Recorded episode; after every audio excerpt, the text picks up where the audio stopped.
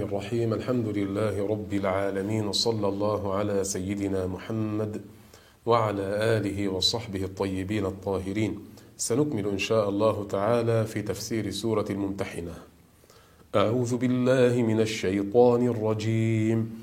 يا أيها النبي إذا جاءك المؤمنات يبايعنك على ألا يشركن بالله شيئا.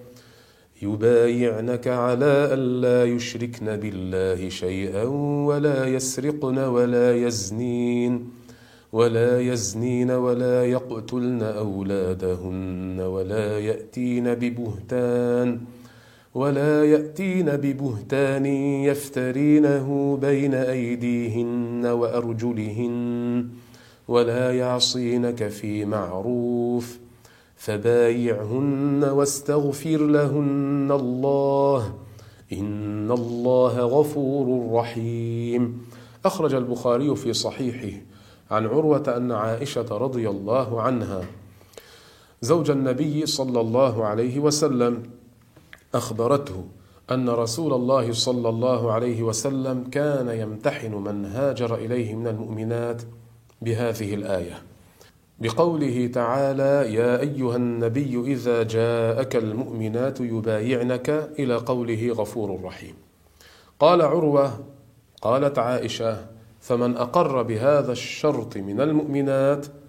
قال لها رسول الله صلى الله عليه وسلم قد بايعتك.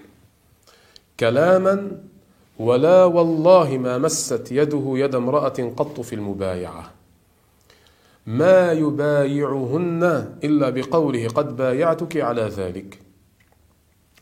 قول الله عز وجل يا أيها النبي إذا جاءك المؤمنات أي المؤمنات بالله ورسوله يبايعنك.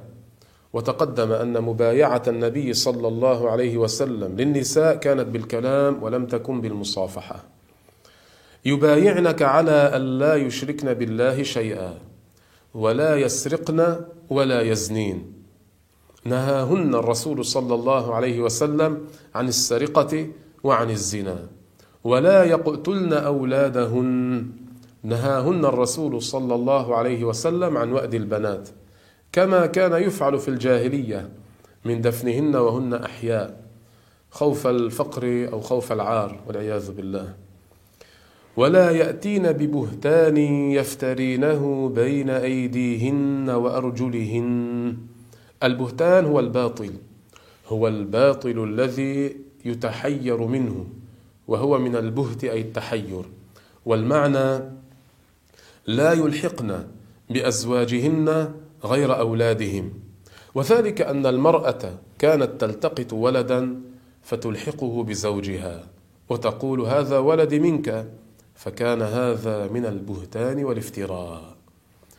وقوله سبحانه وتعالى بين أيديهن وأرجلهن هو كناية عن الولد لأن بطنها الذي تحمل فيه الولد بين يديها وفرجها الذي تلد منه هو بين رجليها.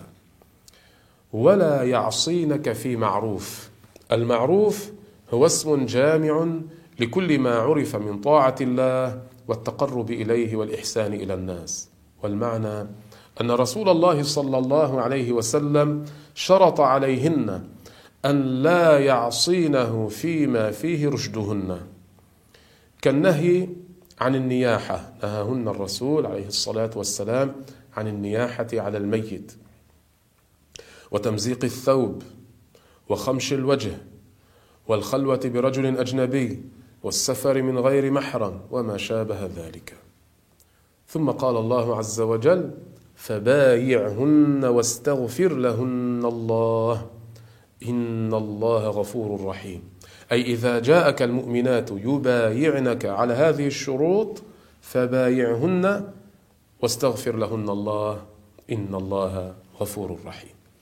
ثم قال الله عز وجل يا أيها الذين آمنوا لا تتولوا قوما غضب الله عليهم قد يئسوا من الآخرة كما يئس الكفار من أصحاب القبور.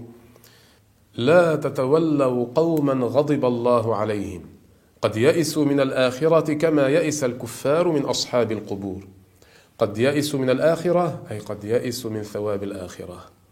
كما يئس الكفار الأحياء من الذين كفروا وماتوا أن يرجعوا إليهم أو أن يبعثهم الله عز وجل. ويحتمل أن يكون المعنى قد يئسوا من ثواب الآخرة كما يئس الكفار الذين ماتوا من ثواب الآخرة ورحمة الله لأنهم أيقنوا بالعذاب. اللهم إنا نعوذ بك من عذاب القبر وعذاب النار وفتنة المحيا والممات وفتنة المسيح الدجال وفقني الله وإياكم إلى ما يحب ويرضى. والله أعلم وأحكم.